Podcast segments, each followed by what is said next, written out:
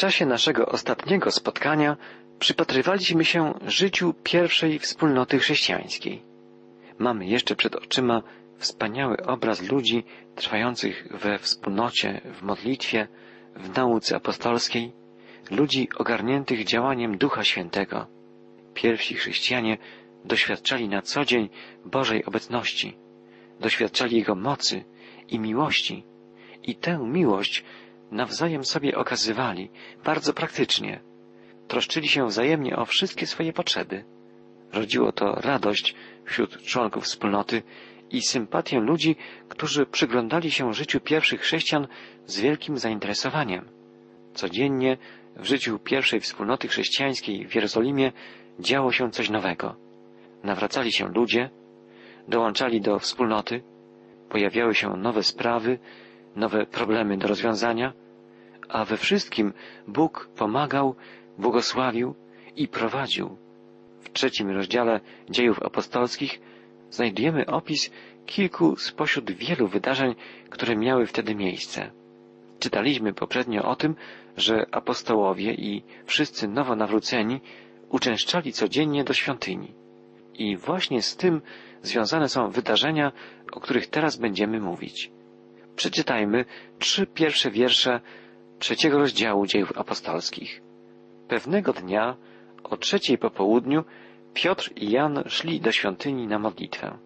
Wtedy właśnie wnoszono tam człowieka, który od urodzenia miał bezwładne nogi. Codziennie sadzano go przy bramie pięknej, aby wchodzących do świątyni prosił o jałmużnę. Gdy zobaczył, że Piotr i Jan wchodzą do środka, zaczął ich prosić o jakiś datek. Piotr i Jan udawali się do świątyni, aby się modlić. Była to trzecia po południu, zwykła pora modlitwy. Jak widzimy, Piotr i Jan, uważani za filary pierwszego zboru chrześcijańskiego, pierwszej wspólnoty Kościoła, zgodnie z tradycją żydowską idą, by modlić się w świątyni jerozolimskiej. Mówiliśmy już o tym, dlaczego tak się działo. Apostołowie rozumieli, że Jezus jest Mesjaszem, Mesjaszem Izraela, na którego Żydzi oczekiwali tysiące lat i chcieli, żeby o Jego zmartwychwstaniu i w niebowstąpieniu dowiedzieli się wszyscy Izraelici. Duch Święty objawiał apostołom prawdziwy sens żydowskich obrzędów, prawdziwe znaczenie proroctw Starego Testamentu. I ich pragnieniem było, by stało się to oczywiste dla wszystkich ich braci. O tej porze, porze popołudniowej modlitwy, wielu ludzi odwiedzało świątynię. Chromy człowiek siedział tam codziennie, jak czytaliśmy, codziennie go tam sadzano przy bramie zwanej Piękną. Piękna brama prowadziła do przedsionka pogan, do przedsionka kobiet. Mogli tam więc przechodzić wszyscy, zarówno mężczyźni, jak i kobiety. Nie istniała wtedy opieka społeczna, opieka nad upośledzonymi fizycznie, nad kalekami lub nad biedakami. Musieli się oni troszczyć sami o siebie. Bardzo pomocne było im w tym religijne nastawienie Izraelitów, którzy dawanie jałmużny poczytywali za zasługę i traktowali ją razem z modłami i postem jako część nabożeństwa. Chromy siedział więc u pięknej bramy i prosił wchodzących do świątyni o jałmużnę. Przeczytajmy, co wydarzyło się dalej. Piotr i Jan spojrzeli na niego uważnie, a Piotr powiedział, popatrz na nas. Popatrzył więc na nich, myśląc, że coś dostanie. A Piotr powiedział, nie mam ani grosza, ale daję Ci to, co mam. W imieniu Jezusa Chrystusa z Nazaretu rozkazuję Ci, wstań i zacznij chodzić. Jednocześnie chwycił go za prawą rękę i dźwignął. Człowiek ten natychmiast odzyskał władzę w nogach, tak że zerwał się, stanął o własnych siłach, zaczął chodzić i podskakiwać z radości i chwalił Boga. Wszyscy ludzie widzieli, że chodził po świątyni i chwalił Boga. Rozpoznali w nim żebraka, który zwykle siedział u bramy pięknej przed świątynią. To, co z nim się stało, wywołało wielkie zamieszanie i podziw. Nie wiemy, co działo się w sercu Piotra wcześniej. Czy już dawniej zauważył chromego żebraka? Czy dopiero w tej właśnie chwili poczuł wewnętrzną pewność, że może mu pomóc, że ten człowiek może być cudownie uzdrowiony? Widzimy, że Piotr otrzymał od Pana moc uzdrawiania. I teraz apostoł za pierwszym razem jak gdyby upewnia się, że obietnice dane apostołom Jezusa spełniają się. Piotr zaczął działać. Nawiązał najpierw osobisty kontakt z tym człowiekiem. Poprosił go, spójrz na mnie. Anonimowy żebrak, ten, do którego widoku przyzwyczaili się odwiedzający świątynię, jest przecież człowiekiem, jest osobą, przeżywa, myśli, ma swoje pragnienia, nie może wejść do świątyni, ale przecież Bóg go widzi.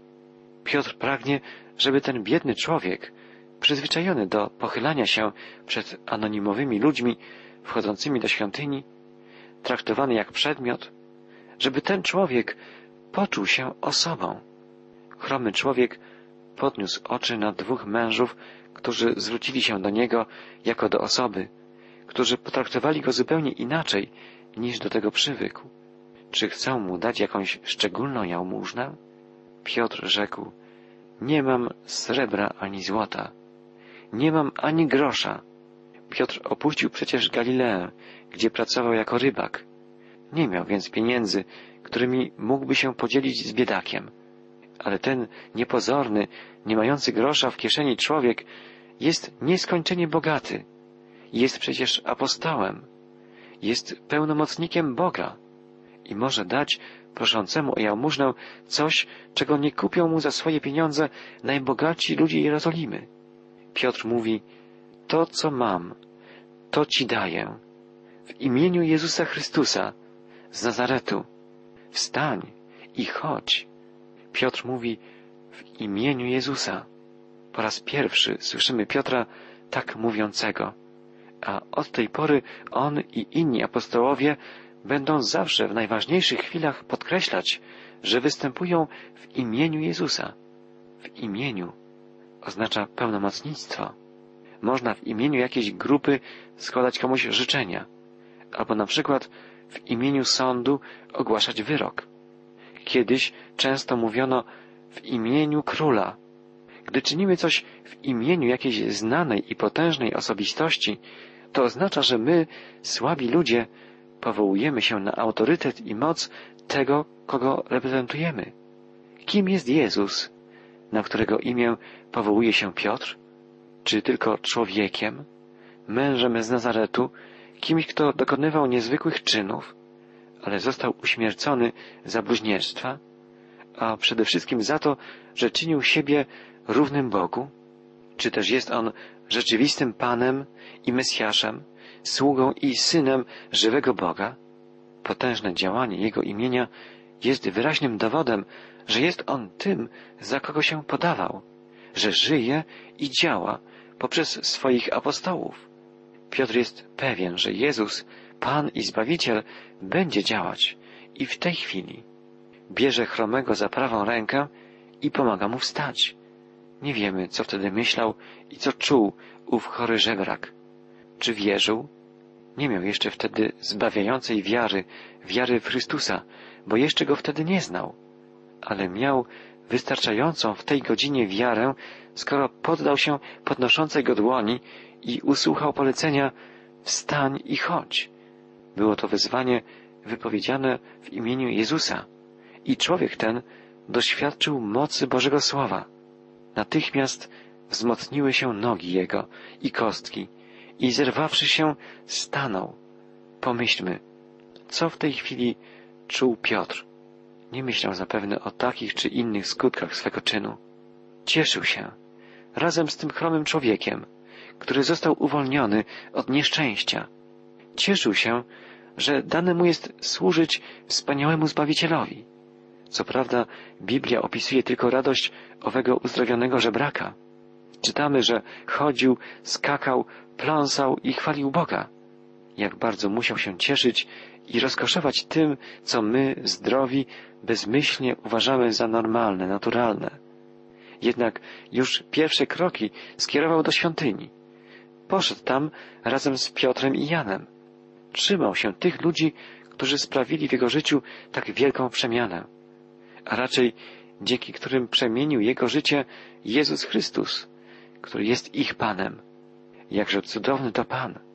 Człowiek ten odczuwa szczęście, nie tylko z powodu uzdrowienia, ale odczuwa też wielką wdzięczność względem Boga i chce Mu podziękować. Idzi więc wraz z apostołami do świątyni. O tej porze przy wejściu do świątyni panował duży ruch. Czytamy, że cały lud widział go, jak chodził i chwalił Boga. Poznali, że był to ten, który siadał przy pięknej bramie, aby żebrać. I ogarnęło ich zdumienie i zachwyt z powodu tego, co go spotkało. Widzimy, że teraz, podobnie jak w dniu Zielonych Świąt, sam cud budzi jedynie zainteresowanie, zachwyt i zdumienie. Znak mocy Pana wymaga zwiastowania słowa. Przygotowuje ludzi do otwarcia się na głoszone im prawdy Boże. Piotr będzie miał teraz sposobność zwrócenia się w imieniu Jezusa ze słowem prawdy do pobożnych Żydów przybyłych do świątyni na modlitwę. Cud uzdrowienia, jako znak mocy Bożej, nada słowom apostoła niezwykłą aktualność i rzeczywistą potęgę. Uzdrowiony żebrak wszedł wraz z apostołami do krużganka Salomona, który biegł wzdłuż wschodniej ściany świątyni. Czytamy, wszyscy ludzie zdumieni przybiegli na krużganek Salomona, a uzdrowiony żebrak nie odstępował Piotra i Jana. Widząc to, Piotr przemówił do ludu. Izraelici, co was tak dziwi? Czemu tak się nam przyglądacie? Jakbyśmy własnymi siłami albo dzięki własnej pobożności dokonali tego, że ten człowiek może chodzić. To Bóg naszych ojców, Bóg Abrahama, Izaaka i Jakuba, w ten sposób przysporzył chwały swemu synowi Jezusowi, którego zdradziliście i wyparliście się wobec Piłata. On sam był zdecydowany go uwolnić. A wy co? Wyparliście się tego świętego i sprawiedliwego człowieka. Domagaliście się ułaskawienia mordercy, a dawcę życia zabiliście. Bóg jednak podźwignął go z grobu, czego my jesteśmy świadkami. Widzimy, że gdy tylko Piotr i Jan weszli do przysionka zwanego Salomonowym, zbiegł się do nich cały lud. Wieść o cudownym uzdrowieniu rozeszła się bowiem natychmiast. Ludzie rozpoznawali człowieka, którego przedtem widywali co dnia żebrzącego, a teraz pląsa, chwali i wielbi Boga.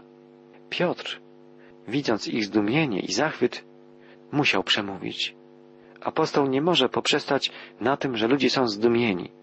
Musi im opowiedzieć o tym, który uzdrowił. Przede wszystkim musi się odciąć zdecydowanie od podziwu, jakim lud darzy jego i Jana, jako sprawców uzdrowienia. Przecież to nie oni uzdrowili chromego, lecz Jezus. Tym właśnie apostoł Jezusa różni się od innych cudotwórców, których w owym czasie nie brakowało wśród Żydów i Pogan. W ósmym rozdziale dziejów apostolskich czytamy na przykład o Szymonie z Samarii, który podawał się za kogoś wielkiego i chętnie słuchał, gdy mówiono o nim, ten człowiek to moc Boża, która nazywa się wielka. Ale Piotr i Jan mówią zdecydowanie, dlaczego się nam przypatrujecie, jakbyśmy to własną mocą sprawili, że On chodzi? Piotr i Jan, jak wszyscy biblijni ludzie wiary, uważali siebie za nic innego, jak tylko za narzędzie działania Boga. Cuda Boże nie były zasługą ich własnej, jak to sami określili, pobożności czy własnej mocy. Piotr stara się wszelkimi siłami skierować myśli słuchaczy wyłącznie ku Bogu. Nie myśli w ogóle o sobie samym, o swoich zasługach. Myśli jedynie o Bogu. O Bogu, jak podkreśla Abrahama, Izaaka i Jakuba. Apostoł nie zwiastuje nowego Boga. Chodzi o Boga Abrahama, Izaaka i Jakuba. Trzeba to było mocno podkreślić przed żydowskimi słuchaczami. Ale Piotr od razu przechodzi do głównego tematu swojego przemówienia. Właśnie ten Bóg ojców naszych mówi, uwielbił swego syna, Jezusa. Nie chodzi o to, że Bóg Starego Przymierza już nie wystarcza i że Jezus jest dla niego jak gdyby konkurentem. Nie. Historia Jezusa jest dziełem tego samego jedynego, żywego Boga. Ten właśnie Bóg, znany każdemu Izraelicie jako Bóg Abrahama, Izaaka i Jakuba, uwielbił swego Syna, Jezusa. Bóg wypełnił przepowiednie proroków Starego Testamentu i posłał swego sługę i Syna, ale Izrael wyparł się go i wydał go na śmierć. Bóg jest wierny, wypełnił swoją obietnicę. A jak postąpił jego lud? Piotr uświadamia słuchającym cały ogrom ich winy. Bóg postawił wśród nich świętego i sprawiedliwego. A co oni uczynili? Zaparli się go i doprowadzili do jego śmierci. Bóg darowuje im sprawcę życia, a oni go zabijają. Ich przestępstwo jest tym bardziej widoczne i ciężkie, że nawet bezbożny Piłat widział, że Jezus jest sprawiedliwy i chciał go uwolnić. I o tym właśnie mówi Piotr. Jakże trzeba być zaślepionym, żeby zabić sprawiedliwego i świętego sługę, uwielbionego Syna Bożego, dawcę życia. Jak wstrząsające to musiały być słowa dla słuchaczy Piotra. Apostoł mówi im jednak, wy go uśmierciliście, ale Bóg wzbudził go z martwych. Właśnie jesteśmy teraz tego świadkami. Piotr mówi o tym, że wszyscy są świadkami zmartwychwstania Jezusa. Ma na myśli siebie i wszystkich apostołów.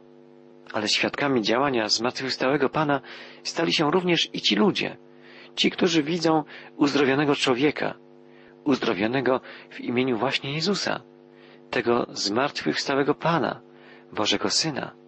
Piotr mówi dalej, ten biedak, którego tu widzicie i dobrze znacie, odzyskał siły przez wiarę w moc imienia Jezusa. Ta właśnie wiara przywróciła mu na waszych oczach pełnię zdrowia.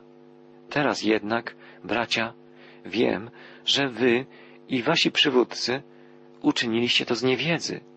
W ten sposób Bóg wypełnił to, co zapowiedział przez wszystkich proroków, że Mesjasz będzie cierpiał. A więc pokutujcie i nawróćcie się, aby Bóg przebaczył wam grzechy. Piotr mówi, właśnie tego człowieka, którego znaliście jako chromego żebraka, uzdrowił Jezus. Imię Jezusa może być tak potężne tylko dlatego, że sam Jezus zmartwychwstał i żyje. Chory osobiście doświadczył, jaki jest ten Jezus. Słowem wypowiedzianym przez Piotra wzbudził w nim wiarę. Potężne imię Jezusa i wiara chorego człowieka są w tej wypowiedzi Piotra połączone. Działanie Jezusa jest możliwe tam, gdzie w sercu człowieka rodzi się wiara. Piotr wzywa więc swoich słuchaczy do upamiętania się i otwarcia swoich serc na działanie Jezusa. Piotr tłumaczy im, działaliście w nieświadomości, wy, jak i wasi przełożeni. Podobny sąd wydał o sobie apostoł Paweł, gdy pisał do Tymoteusza o okresie, w którym sam prześladował chrześcijan. Miłosierdzia dostąpiłem, bo czyniłem to nieświadomie, w niewierze. Zaraz potem apostoł Paweł nazywa siebie jednak pierwszym, największym z grzeszników. Nie uważa więc poprzedniego stwierdzenia za usprawiedliwienie. Piotr również nie chce uniewinniać słuchaczy z tego, co przed chwilą przedstawił im jako ich ogromną, straszną winę. Ich zaślepienie powstało z rosnącego nieposłuszeństwa wobec Boga, z traktowania religii w sposób powierzchowny, obrzędowy. Pozornie byli bardzo pobożni, ale w rzeczywistości byli hipokrytami, religijnymi udawaczami. Dlatego Piotr wzywa słuchaczy do nawrócenia. Upamiętajcie się i nawróćcie, woła apostoł. Nawrócenie jest jeszcze więc możliwe, ale musi dokonać się w sposób radykalny. Wezwanie Piotra oznacza odwróćcie się od grzechu, a zwróćcie się ku Bogu, ku Jego łasce. W wyniku nawrócenia ma nastąpić, jak zapowiada Piotr, coś niezmiernie wielkiego. Zgładzone zostaną wasze grzechy, a więc wszystkie grzechy naszego życia.